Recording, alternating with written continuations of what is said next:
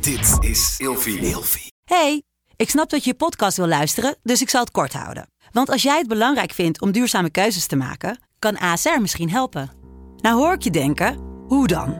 Nou, bijvoorbeeld bij het duurzaam herstellen van schade. Of de premies die we beleggen volgens ons duurzaam beleggingsbeleid. Dat bepaalt waar we wel en juist niet in investeren. Wil je meer weten over welke duurzame keuzes ASR maakt? Ga dan naar asr.nl slash duurzame keuzes. ASR doet het. Zo, dan kan je nu lekker naar je podcast luisteren. Eindeloos aan het woelen en draaien in de nacht en hou je je partner wakker? Het kan zomaar zijn dat je toe bent aan een nieuw bed.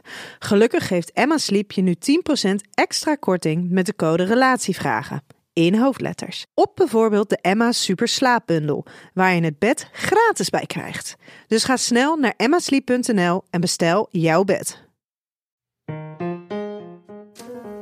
Hoi, ik ben Jurre Gluk en je zou me kunnen kennen van Je zal het me hebben, maar ook spuiten en slikken.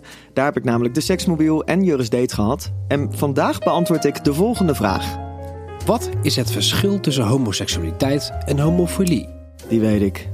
Dit is namelijk dus een heel duidelijk verschil. En ik ben er pas achter gekomen uh, sinds dat wij bij Jurre's Date een aflevering hadden gemaakt over pedofilie. Toen hadden we namelijk een, uh, een vrouw die kwam bij ons langs, wat ik ook best wel bijzonder vond. En zij was dus. Uh, ja, nou begin ik zelf ook te twijfelen. Nee, je, je hebt dan dus pedofilie en pedoseksueel. En het, of een pedofiel en pedoseksueel. En zij was een pedofiel.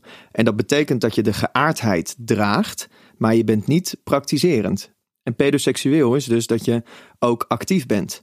Dus ik ben homoseksueel, want uweel betekent dat je, nou ja, dat je er wel van houdt, zeg maar, om het ook even te praktiseren. En homofiel ben je dus als je alleen de geaardheid draagt, maar niks doet. En het, nee, ja, het is dus een heel duidelijk verschil, maar je, je moet het maar net even weten.